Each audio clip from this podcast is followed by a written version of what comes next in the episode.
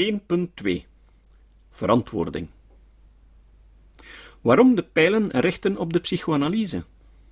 Zoals ik in de inleiding van deze tekst met Frank Kiofi beaamd heb, is een succesvolle pseudowetenschap een grote intellectuele verwezenlijking.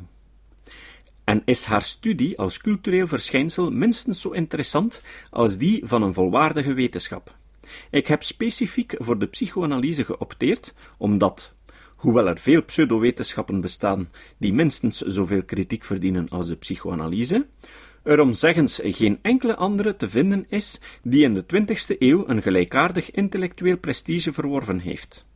De psychoanalyse is in die zin niet alleen een paradigmatische pseudowetenschap, zoals de argumentatieve doorlichting van haar pleitbezorgers in dit werk zal illustreren, maar ook het schoolvoorbeeld van een pseudowetenschap schot in de roos.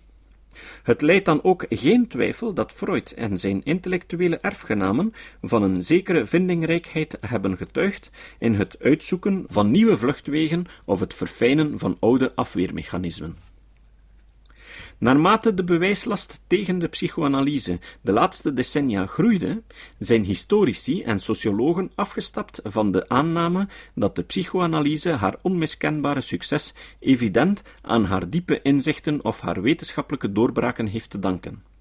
Zoals we straks zullen zien, hebben opeenvolgende nauwgezette kritieken op de psychoanalyse aangetoond dat het bijzonder twijfelachtig is of er ook maar één daadwerkelijk nieuw inzicht is waar de psychoanalyse of haar historici op kunnen beroepen om haar succesverhaal te verklaren.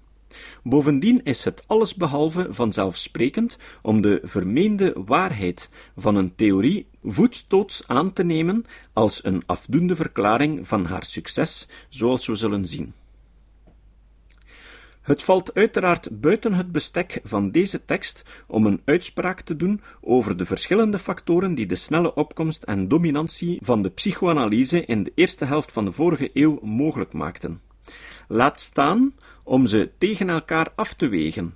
Maar ik denk dat de karakteristieke eigenschappen van de psychoanalyse om zich in weerwil van talloze objecties en door middel van soms ingenieuze immunisatiestrategieën te handhaven in intellectuele debatten ongetwijfeld tot dat grote succes heeft bijgedragen. De psychoanalyse heeft zich niet onverdienstelijk getoond in de oplossing van het cruciale probleem dat elke pseudowetenschapper zorgen moet baren. Surviving the day on which the prophecy fails. Waarom geen rechtstreekse kritiek op de theorieën van de psychoanalyse in plaats van een analyse van haar zogenaamde immunisatiestrategieën? Het heeft weinig zin om de aanklachten tegen de psychoanalyse nog eens te herhalen. Bovenop de enorme vakliteratuur die de psychoanalyse onder vuur heeft genomen, zijn er ook al verschillende toegankelijke bloemlezingen gepubliceerd die de totaliteit van de kritieken samenvat en gebundeld hebben. Ik wil deze kritieken niet voetstoots aannemen, maar ik gebruik ze wel als uitgangspunt, en om een goede reden. Zoals ik zal proberen aan te tonen, zijn er bitter weinig coherente en serieuze pogingen ondernomen om een tegengewicht te bieden voor deze bewijslast, en ligt de bal met andere woorden in het kamp van de psychoanalytici. Zoals onder andere Han Israëls overtuigend aantoonde, hebben vele psychoanalytici de slechte gewoonte om de bestaande kritieken simpelweg te negeren.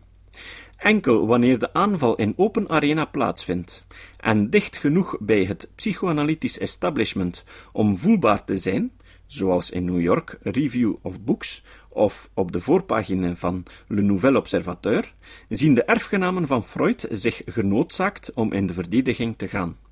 En wanneer dat gebeurt, zoals we zullen zien, worden de kritieken vlotjes van de hand gedaan met immuniserende drogargumenten. Om de context van de huidige Freudwaars iets scherper te stellen en ook om duidelijk te maken waartegen de psychoanalyse zich precies wil immuniseren, zal ik straks, alvorens aan de analyse van haar immunisatiestrategieën te beginnen, een sumiere samenvatting geven van de uiteenlopende bewijslast die tegen de psychoanalyse geformuleerd is. Uiteraard is een kritiek op de immunisatiestrategieën van de psychoanalyse ook een kritiek op de psychoanalyse zelf. Verschillende critici hebben dan ook al gewezen op de kromme redeneringen en vluchtwegen waarmee de psychoanalytici potentiële en actuele weerleggingen ontduikt. Een deel van die bewijslast die ik straks zal aanhalen, bestaat dan ook in de manier waarop psychoanalytici met de rest van de bewijslast omgaan. De bedoeling in dit werk is vooral een overzicht en bijbehorende analyse te geven van het arsenaal immunisatiestrategieën dat door hedendaagse psychoanalytici in stelling wordt gebracht om de steeds aanzwellende kritieken het hoofd te bieden. Het feit dat psychoanalytici deze immunisatiestrategieën gebruiken, tast toch de theorie zelf niet aan? Er is een bijkomende reden waarom de alomtegenwoordigheid van deze immunisatiestrategieën een belangrijke indicatie vormt voor de staat van gezondheid van de psychoanalyse zelf. De wijze waarop de voorstanders van een theorie hun standpunten moeten verdedigen, kan ons volgens mij wel degelijk iets vertellen over de theorie zelf. Zij die met de psychoanalytische schuit in zee gaan, moeten roeien met de riemen die de theorie hen biedt.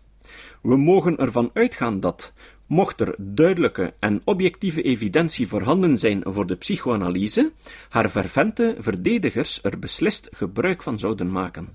Het feit dat ze in de plaats daarvan hun toevlucht nemen tot allerlei immuniserende drogargumenten om de kritiek te ontvluchten, is een teken aan de wand dat de theorie zelf in staat van slechte gezondheid verkeert. Dit punt zal doorheen mijn werk nog duidelijker worden en zal ik in de eindconclusie terug oppikken. Zijn al deze immunisatiestrategieën uitsluitend in de psychoanalyse terug te vinden? 1. Sommige van de besproken immunisatiestrategieën zijn op maat gesneden voor de psychoanalyse en hebben we dan ook aan de vindingrijkheid van de Freudianen te danken.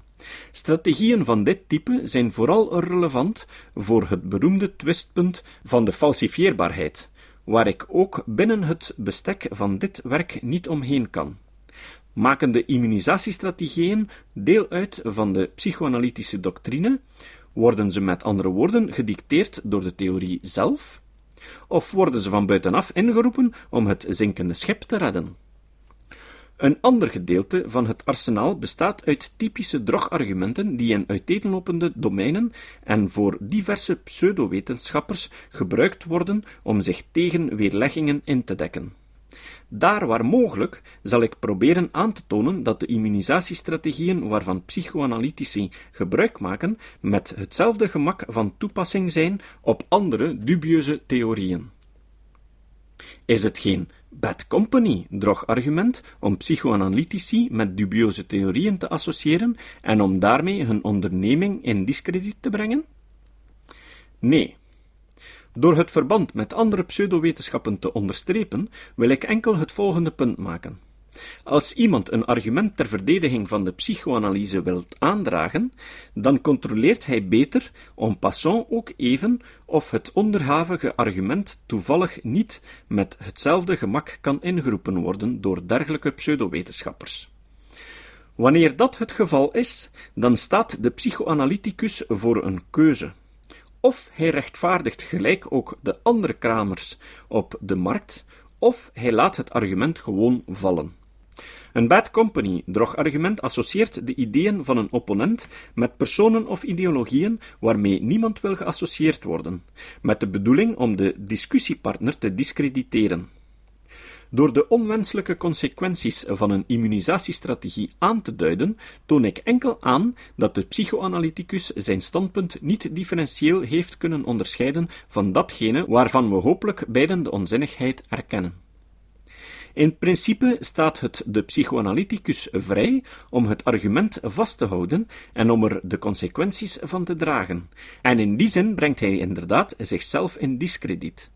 Hij heeft niets in handen om zich te wapenen tegen sterrenwechelaars en homeopaten. Hij kan net zo goed zelf de sterren gaan lezen.